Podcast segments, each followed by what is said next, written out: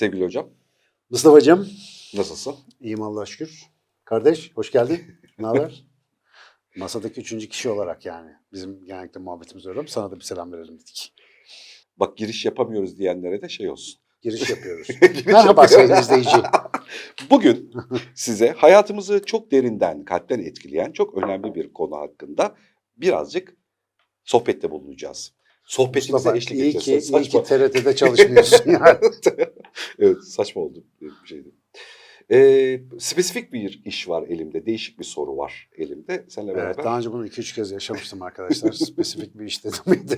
Evet. Ee, yine değişik bir öngörüm var. Bu öngörüye istinaden de seninle biraz arge yapmak istiyorum. Hadi Yine hayırlısı. açık beynin içerisindeki hem eğitim tarafıyla alakalı düşünmek Tersten için. yazını da okuyamıyorum bu arada. Önden güzel ama tersten okunmuyor yazı. Bu notlar birebir şeyle alakalı değil. Öyle mi? Türk. Konuyla alakalı değil. Ben belki sohbet ederken not alırım diye açtığım sayfalardan. Bu arada arkadaşlar gerçekten yani ben bunu bir daha hatırlatmakta fayda var. Benim gerçekten çoğu zaman bu mevzuların ne olduğundan haberim yok yani. Burada geliyor. Bir gün bir şey gelecek ama onu ne yapacağız? Artık Ali montajlar orayı da bilmiyorum.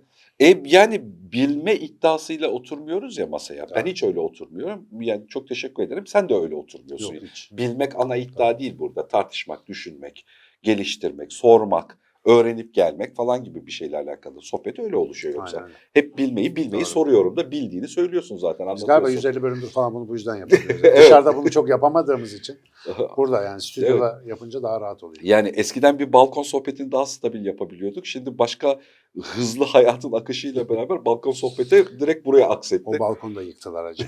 evet Yıkıldı. doğru söylüyorsun. Ee, yenilenme ne deniyordu inşaatta? Tecdit eski dili ne ama bilmiyorum yani. Kentsel dönüşüm. Kentsel dönüşüm. Ha onu arıyordum kafamda. Abi ben de hiç Bak şey bu yapamadım. hava değişimi çok etkiliyor ben sana söyleyeyim. Hiç Sürmeneje yaklaştırıyor insan. Ee, enteresan bir konu var gerçekten. O da şu. Şimdi biz insanı ele alıyorken hep üçlü bir üçlü kavram silsilesiyle kontrol ediyoruz ya. Duygularımız var, zihinsel faaliyetlerimiz, zekamız var ve bedenimizin kendisi var bir şeyde. Şimdi bunun bilime aksettiği tarafını kontrol ettiğimizde şu zihinsel faaliyeti bilimsel anlamda tam olarak nereye konumlayalım ve ana sorgusu bilme, düşünme, bilinç, zeka gibi şeylerin tümünü nasıl sorgulayalım ve hangi ana branş yapının içerisinde oturtalım bir miktar karmaşıklaşıyormuş gibi görünüyor. Neuroscience ilgileniyor ama neuroscience daha ağırlıklı ayağını tıbba basarak yani bedensel faaliyetin üzerine basarak ilgileniyor. Hatta onun biraz daha hastalığa bakan tarafıyla ilgili. A- aynen de öyle. Zaten ana sorgu, ana problem burada hastalıkla alakalı. Ben de soruyu böyle soracağım bu hikayenin sonunda. Böyle denetleyeceğim. Birdenbire mesela bunun şimdiye kadar niye böyle sormadık diye bir şey çıkıyor karşımıza. Duygu tarafıyla alakalı psikoloji aynı şekilde hastalığa bakarak konumluyor kendini. Fakat zihin ya kognitif ya neuroscience ya da Jung'un birazcık ele aldığı gibi psikolojinin içerisindeki bir şeyler de tutuyor.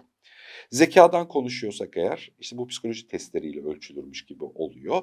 Ama e, işte bilinç rahatsızlıkları, Alzheimer ya da benzer şeyden konuşuyorsak hemen tıbba gidiyoruz. O tarafta o tarafın sorgusuyla ele alıyoruz. Ben düşünme, bilme, bilgi, zeka eyleminin kendi sorgu sistemiyle ele alınması vaktinin geldiğini düşünüyorum. Çektiğimiz birçok problem bununla alakalıymış gibi. Tarif etmekte zorlandığımız her şeyle alakalı. O da bizi şu soruya getiriyor. Ötekilerde sorduğumuz gibi ne yersek içersek bizi hasta eder ya da iyi yapar. Duygusal anlamda ne yaparsak ne yapmazsak bizi psikolojik olarak, duygusal olarak iyi hale getirir ya da getirmez. Üçüncü soru ne bilirsek ve ne bilmezsek bizi iyileştirir ya da hastalandırır. Mesela bu, buna bu soruyla bakmamış olmak tuhaf. Böyle baktığımızda çok değişik bir skala çıkıyor karşımıza. Yani bilme eyleminde sadece yöntemsel bilgiler değil, hani hayatı nasıl yaşayacağımızın bilgisiyle alakalı değil. Bazı birçok bilgi, mesela neuroscience bilgisi bizi iyileştirir mi? Yani hani pozitif anlamda gerçekten fiziksel anlamda iyi. Ya da mesela ayağımız kırıldı. Çok basite indirgelim. Komplike hastalık olmasın. Ayağımız kırıldı. Bazı bilgileri bilmek bizi iyileşmemizi hızlandırır mı? Bazı bilgileri bilmek iyileşmemizi geciktirir mi? Mesela biliyor olma hali ayak kırığı gibi tıpta çok tanımı belli olan bir sürecin kendisine pozitif ya da negatif bir etkide bulunur mu? Bunun önemli bir soru... Sırıtma sebebim şu. Daha önce bunu ofiste seninle kısa bir ayaküstü konuşmuştuk. Onu hatırladım. Ama o zaman aklıma gelmeyen şey şimdi sen konuşurken aklıma geldi mesela. Bir, bir şeylerin mayalanması gerekiyor galiba zaman içerisinde. Doğru, bilgi zihni besleyen bir şey ve her besinde olduğu gibi bunun da etkileri var. Ama insanın fabrika ayarlarında ben ne yaptım mesela? İnsanın evrimsel gelişimi üzerinden ne yerse, ne yaparsa, nasıl ilişki kurarsa, işte nasıl düşünürse ne olacağını analiz etmeye çalıştım aslında. Hayatta da bu bayağı bir çalışıyor. Niye çalışıyor? Çünkü evrimsel hikayenin üzerine oturtturduğun zaman evrim sana zaten bu canlının nereden geldiğiyle, nasıl bir yoldan seçildiğiyle ile ilgili bir hikaye anlatıyor. Henüz tam olmasa da bayağı aydınlatıcı bir hikaye. O hikayenin üzerine bugün işte adına yakın nedensellik dediğimiz yani şunu içti bundan oldu gibi bir yakın nedensellik bağlantısı kurmakla mahkum olmadan, oraya kısıtlı kalmadan o yenen içilen şeyin niye öyle yaptığını tarihsel hikayesinde anlayabiliyorsun. Şimdi bilgi de e, hep bu bilişsel işte nöropsikoloji alanında falan ilgilendiği halde işte nasıl öğreniyoruz, nasıl kalıyor, nasıl hatırlıyoruz, işte duygularımızı nasıl zihnimize kontrol ediyoruz falan gibi işler hep bu yakın nedensellikle uğraşıyor. Tabii ki araştırıcıların çok önemli bir kısmı evrimsel background'dan geliyor onu biliyorlar ama o bilgiyi hala buraya uygulamanın bir yöntemi yok. Ee, bilginin değiştirici, dönüştürücü gücünü ancak evrimsel nöropsikoloji üzerine oturtturunca çözebileceğimizi fark ettim. Sen e, şey yapınca. Yani soru şu. İnsanın fabrika ayarları itibariyle insan ne bilmek ister? Mesela bu şu anda benim insanın manevi ayarları eskizlerin önemli bir parçası. Hangi bilgi önemli aslında? Bu senden bağımsız mesela. Burayı hiç konuşmadık daha önce ama Evet. orada me- mecburen öyle bir yere geldim. Çünkü artık bedensel kısmı anlattık, psikolojik kısmı anlattık Birbirimize falan. bağımsız bir şekilde yürüyormuşuz. Benim de sana şu hep anlatmak istiyorum dediğim mevzu e, bir şeyde. Düşüncenin konusu nedirle alakalı. Yani düşün, bir insan için düşüncenin konusu ne olabilir? En ana kapsamda bunları ana başlıklara ayırsak ana başlıklar ne oluru? Ben de başka bir taraftan düşünüyormuşum. Ya mesela şimdi felsefecilerin falan sana. anlayabildiğim kadarıyla işte daha doğrusu ben hiç direkt onları tabii tetkik edecek kadar felsefe jargonum yok ama felsefeci arkadaşlarım, hocalarla falan yaptığımız konuşmalar işte Kant'ın, Descartes'in, onun bunun ya da e, işte İbn Arabi'nin, İbn Sina'nın bu düşünce, akıl, fikir falan üzerine hep söylediklerine bakıyorum. E, hani bu söylediğim inşallah yanlış anlaşılmaz. Doğal olarak felsefi argümanlardan felsefi argümanlar çıkaracak şekilde olgunlaşan bir düşünsel ağaçtan besleniyor bu hikayeler. Ama şimdi evrimsel nöropsikoloji üzerine, bu özellikle bu tabiri de özellikle kullanıyorum. Evrimsel zaten evrimsel. Hem nöro hem psikoloji. Yani hem beyin işleyişinin evrimsel tarihi hem psikolojik donanımın evrimsel tarihi. Bunların hepsiyle düşünmeye başladığında artık argümanlardan değil de doğadan çıkıyorsun aslında. Doğadan bir çıkış yakalıyorsun. Orası önemli. Mesela hep anlatmaya çalıştığımız şu bir şeyin neden yaptığını bilme meselesi var. Yani nasıl yapacağını düşünürken insanlar çoğunlukla neden yaptığını soramıyor ve nasıl bilgisi o yüzden çoğu zaman kötü geliyor bize. Çünkü onu aslında neden diye sormadığımızdan belki yapmamamız gereken bir şeyin bütün neden için nasıllarını öğrenmiş oluyoruz. Dolayısıyla mesela burada iyilik kötülük bilgisinde hani hangi bilgi iyidir, hangi bilgi kötüdür? Mesela çoğu zaman neden bilgisi nasıldan çok daha faydalıdır. Okullar 12 sene nasıl öğretip hiç neden öğretmediği için eğitim zararlıdır dolayısıyla. Ama bu nereden geliyor bu bilgi mesela? Bizim okul kötü çünkü çocuklara böyle yapıyordan değil. İnsanın geldiği seyre bakarsan insan tabiatı değiştirmek üzere nasılları zaten icat edebilen ama neyi neden yaptığını sorgulamadığında başına çok da bela açma potansiyeli taşıyan bir canlı. Esas onarıcı bilgi neden bilgisine sahip olmak. Benim buna ihtiyacım var mı gerçekten? Neden var? Ben bu okulu niye okuyorum? Ben bu işi niye yapıyorum falan filan gibi. O neden sorusu mesela bu iki bilgi tipi arasında daha faydalı olan bu gibi gözüküyor. Ama mesela ben buna nereden geliyorum? Ya bu canlının tarihine bakarak geliyorum. Her bir bilgiyi sanki, her bir düşünce e, nesnesini hatta bu bakışla değerlendirebilirmişiz gibi geldi bana şu anda. Bir e, tarihsel bir canlı olarak, miras almış bir canlı olarak bugünkü koşullarda öğren, öğreneceksin ya da işte bu gereksiz falan denen her şeyi bir daha bir dakika kardeşim öyle mi acaba diye ele almanın mümkün olduğu bir zemin burası. Çünkü ya ben şunu çok net söyleyebilirim. Senelerini eğitimde öğrenci olarak ve ondan sonraki bir sürü senesinde eğitimde hoca olarak geçiren birisi olarak e, lüzum dediklerin hiçbir lüzum değil. Ve lüzumsuz adettiklerinde gerçekten alemler var yani öğrenmemiz gereken. E, O konuyu ancak belli bir süre geçip de e, tezatı gördüğün zaman fark edebiliyorsun. Halbuki bu vakit kaybını hepimizin yaşamasına gerek yok işte. İnsanın fabrika ayarları kafası burada da çalışan bir kafa gibi gözüküyor. Belki de böyle bir elek kurabiliriz gibi geliyor bana. İnsanın fabrika ayarları hikayesi mesela bilgi olarak ele aldığımızda, insan ilişkisiyle alakalı bilgi olarak ele aldığımızda En çok önemli bilgi abi. çok bariz bir kere bir temel işlevi var. Ee, lineer mühendisliklerin içerisinde tekil tekil piti kare dolduran zihnimiz, bunu yiyeceksin yemeyeceksin, o değişti, bunu yumurta böyleydi bilmem ne akışın içerisinde artık baş edemediğimiz, belki de son 30 yıldır baş edemediğimiz bilgi yelpazesine bir kere bütünsel olarak abi bunun piti karelerle bir alakası yok bilgisi verdiği ve bunu insana dair verdiği çok temiz bir tümden gelim. Bu arada tümden gelim döneminde olduğumuzu düşünüyorum. Bir sürü insan daha ayamadı ama bundan sonra konuşacağımız şeylerin çoğu felsefeyle ilgili olacakmış gibi görünüyor. Bayağı iş hayatında, yazılımda ya da benzeri şeylerin hepsinde. Aa bak bir sürü yazılımcı adamın ortak şeyi sohbet ederken rastladığım hikaye. Abi veri var, data var, sıkıntı yok ama bu veriler ne anlama geliyor hiçbir fikrimiz yok. Veriyi topluyoruz. Anlık veriyle alakalı yorum da yapıyoruz kafamıza göre ama bu veri aslında bütünsel olarak ne söylüyor bize? Bunu anlamak için bütünü görecek bir duruma ihtiyaç var. Bunun haricinde insanın fabrika ayarları insanın aslında ben bütün olarak öyle baktığımda o, o seriden, o kuramdan dışarı çıkarttığım şey aslında temaşa ile akış.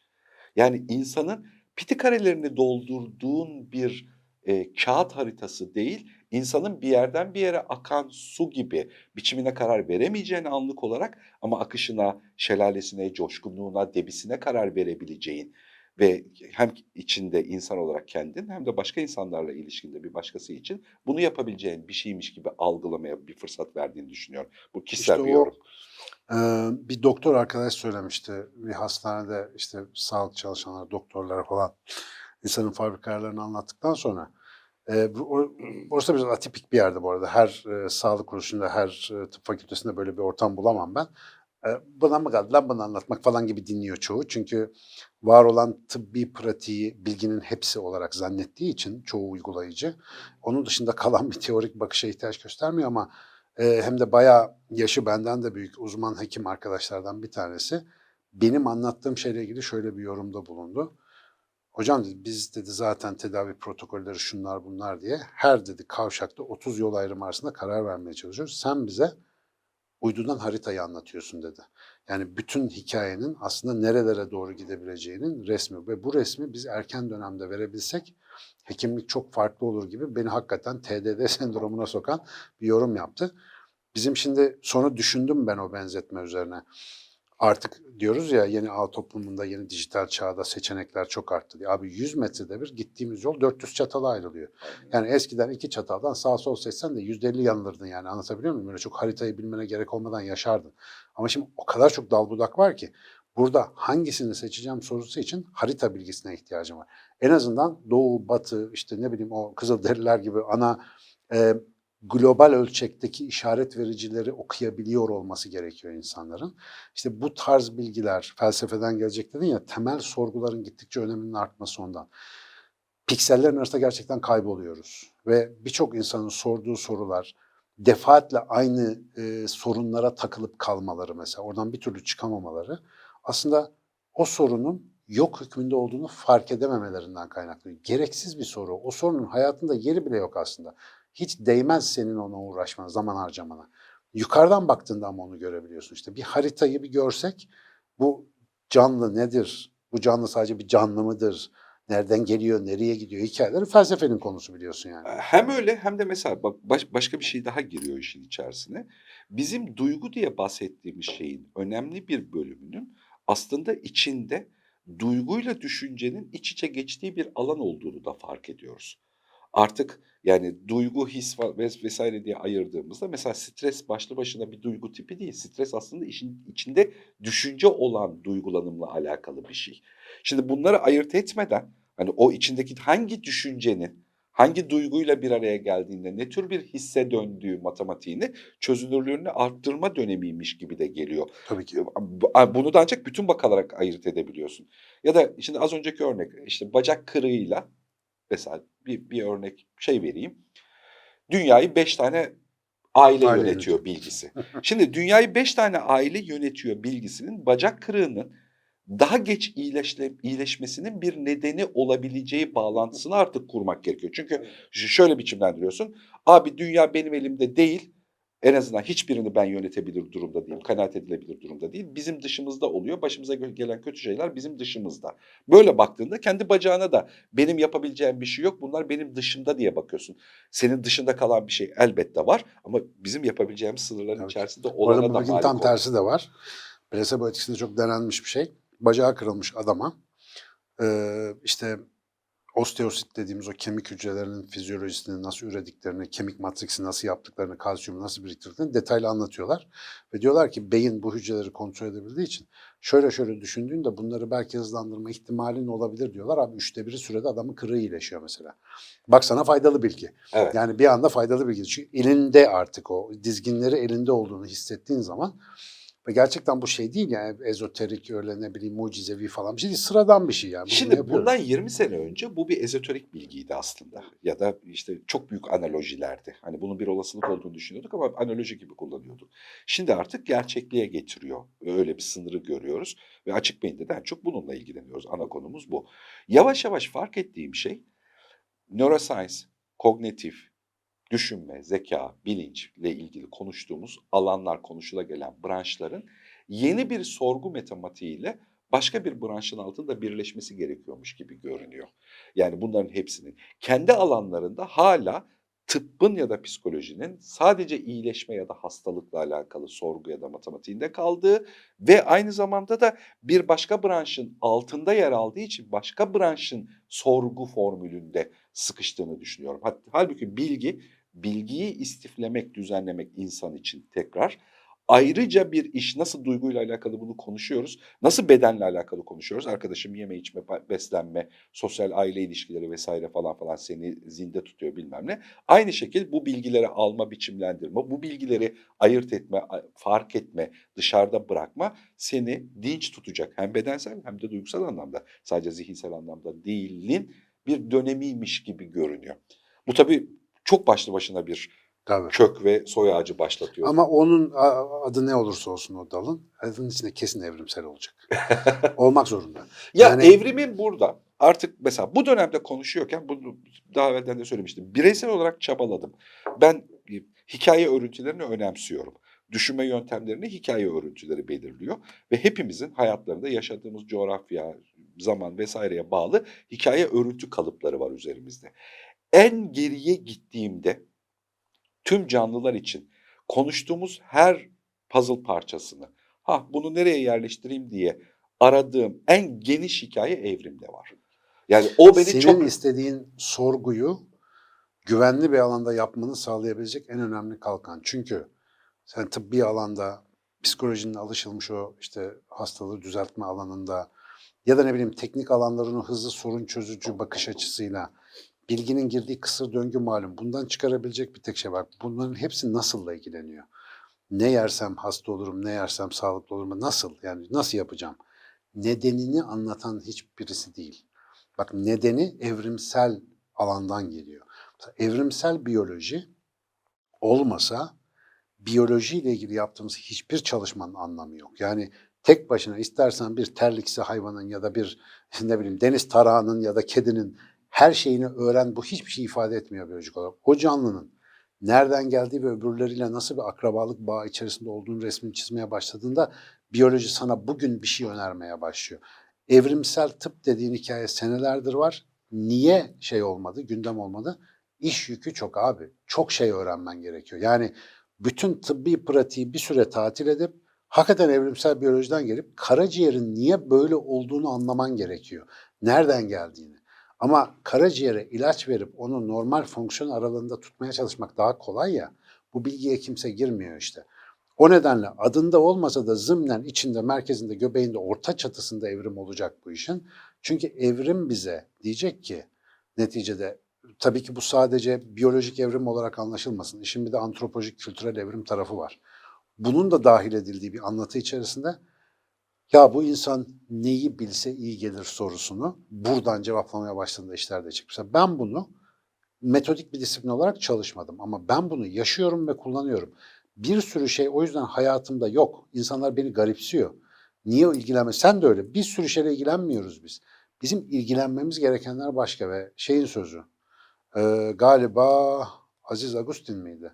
Felsefe hiç para kazandırmadı ama beni bir sürü masraftan alıkoydu diye. evet. Yani çok süper bir laftır. Para kazandırmaz belki ama seni gerçekten gereksiz masraftan alıkoyar.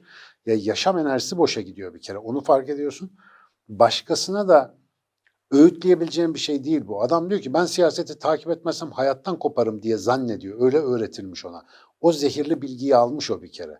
Ama o zehirsiz bilgi, o zehirli bilgiyi zehirsiz biriyle değiştirebilmek, hatta besleyici bir şeyle değiştirmek yeterince dövülmesi gerekiyor. Onu bekliyorsun. Ama buna gerek kalmadan ya güzel kardeşim bak bu işler tarih boyunca böyleydi. Evrimsel tarihimizde böyle, beyin devren şöyle bilmem ne falanla bir zemini oturtturduğunda bu iş çok farklı bir yere gidecek. O zaman hakikaten mesela diyelim ki tıpta en böyle fringe kabul edilen, o uç kenar konu kabul edilen bu plasebo etkisi falan filan gibi şeyleri işte zihnin iyileştirici gücüdür, farkındalıktır, odur budur bir sürü böyle hafif hafif New Age dinlerine de göz kırpan metodolojiler var ya. Ya bunları alıp direkt konuşabiliyor hale geleceksin. Bu bilgilerden çünkü faydalı olanları var. Hakikaten bu faydalı bir bilgi. Adam 4000 senedir, 3000 senedir neyse yoga diye bir geleneği getiriyor buraya. İşte bilmem kaç bin senedir bu topraklarda başka gelenekler var buraya doğru gelen ibadettir, zikirdir, odur budur. Bakıyorsun ana temalarında hep faydalı bir fikir var. Ama kılçıklı malzeme tıkıldığı zaman sağından solundan sokuşturulduğu zaman maymuna döndürüyorsun onu. Bugün geldiği haliyle yoga Nişantaşı'ndaki stüdyoda hava atma aracı, öbür tarafta işte dini prim toplama, bonus toplama aracı saçma sapan bir şeylere dönüşüyor. Ama içinde düzgün bir teoriyle çalıştığında farkındalık diye bir şeyi ayırt ediyorsun. Bu aslında meditasyonun içinden ayırt ettiğim bir bölüm. Şimdi tabii şey gibi bir de sorun oluyor. Bazen bir şeyi bulduğumuzda hayatın tümünü o şeyle çözdüğümüzü düşünme yanılgısı var ya. Radyasyonla alakalı ilk radyoaktif madde öyle davranmışız ya. Tabii. Hayatımızın tüm ilacı bu falan diye davranmışız. Kolye molye yapıp kanserden ölmüş. yani şeyde ne yazık ki.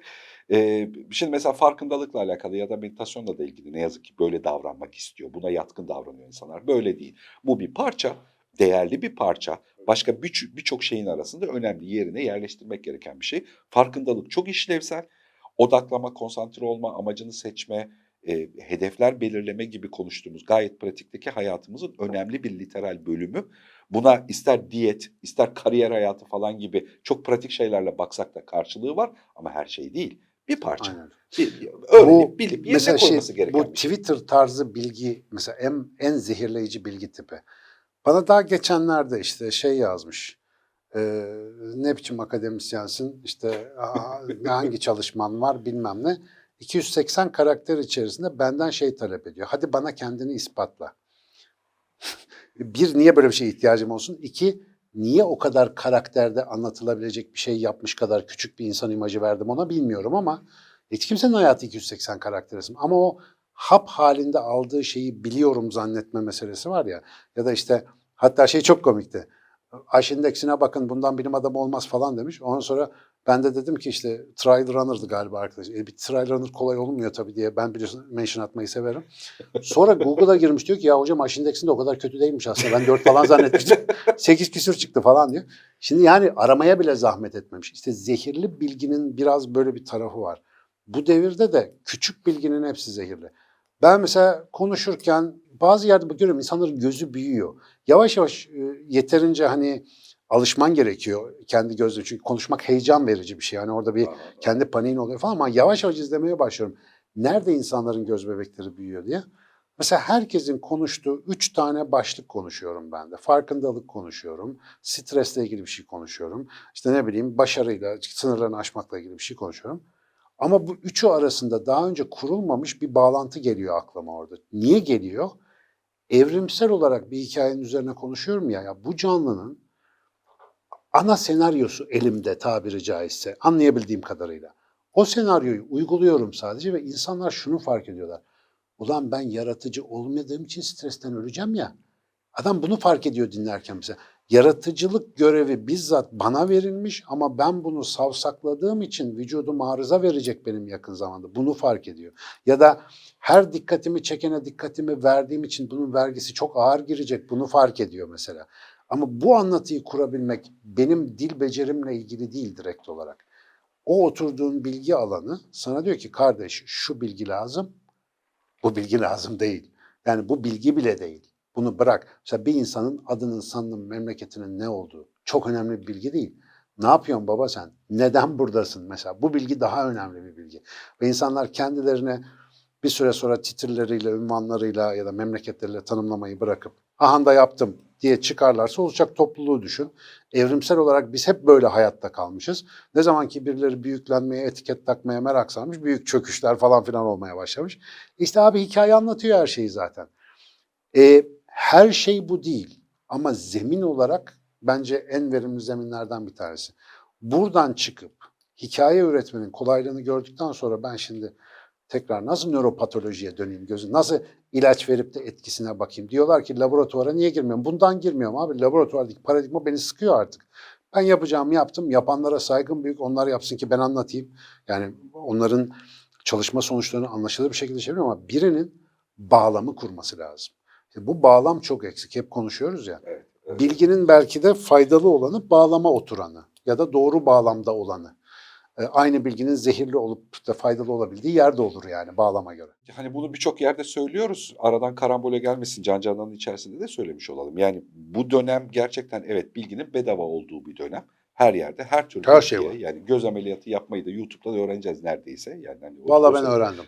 ben merak ettim yani kornea şey nasıl yapılıyormuş replasmanı öğrendim. Bu- Bunu bulabiliyorsun ama sorun yani bu dönemle alakalı o bilginin ne anlama geldiğini, bizim için zihinsel olarak nasıl yorumlanması gerektiğini barındıran bağlam konsepti kayboldu. Şimdi üniversitelerle alakalı konuşuyorken en çok en çok atıfta bulunduğumuz hikaye bu. Normalde o bağlamları kurumlar ve kurumun altında o kurumun ideasıyla beraber oluşan bireyler oluşturuyordu. Şimdi kurumların hiçbir hepsi işletmecilerin eline geçtiği için bağlamlarını kaybetti. Hiçbirinin yaşama dair bir ideali, bir yorumlaması, bir amaç edinip silsilesi yok. Böyle olmayınca sadece kanaat önderleri kaldı. Sadece Türkiye'ye has bir yerden bir şeyden de bahsetmiyorum. Tabii Dünyada da tabii. böyle. Sadece kanaat önderleri sana işte Türkiye'de 10 milyon tane Suriyeli var ya da işte göçmen var dediğinde bunu bu bu ne demek abi bilmiyoruz ki biz. Tabii, Sosyolog diyoruz, ekonomist değiliz, bilmem ne değiliz falan. Birinin bize bu bilgiyi yorumlaması gerekiyor ve kötü bağlamcıların sorununu yaşıyoruz. İdealleri olmayan, gelecekle alakalı, geçmişle ilgili doğru bir yol haritasıyla yola çıkıp geleceğe doğru bir plan dahilinde hareket etmeyen adamların anlık refleksleriyle çok kötü, çok iyi hep böyle ya. iki seçenekli bir dünya sıralanıyor yani. Ece enflasyon anlatıyorlar ya şimdi mesela birileri enflasyonun düşük olduğunu birileri de yüksek olduğunu ikna etmeye çalışıyor bize. Çok nadiren denk geliyorum televizyonda işte sabah bazen kahve içerken ayılmak için ya da halime şükretmek için haber izliyorum Allah'ım çok şükür falan diye. Orada mesela bir rakamlar var. Birisi şey anlatıyordu mesela. Avrupa'nın şu ülkesinde o- 13 kat artmış, bu ülkesinde 5 kat artmış. Türkiye'de bilmem 0,2 kat mı ne artmış bir şey. Lan ama bakıyorsun rakamlara topluyorsun. Aşağıda Türkiye'nin rakamı zaten abilik gubilik bir rakam tamam mı? Yani dağın üstü, Everest dağın üstüne Ağrı Dağı binmiş bizde.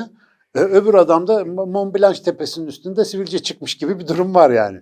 Şimdi bu yorum falan değil. Bu manipülasyon. Evet. Öbür taraftan da yandık bittik dünyada hiç böyle bir şey. Bir başka manipülasyon da orada.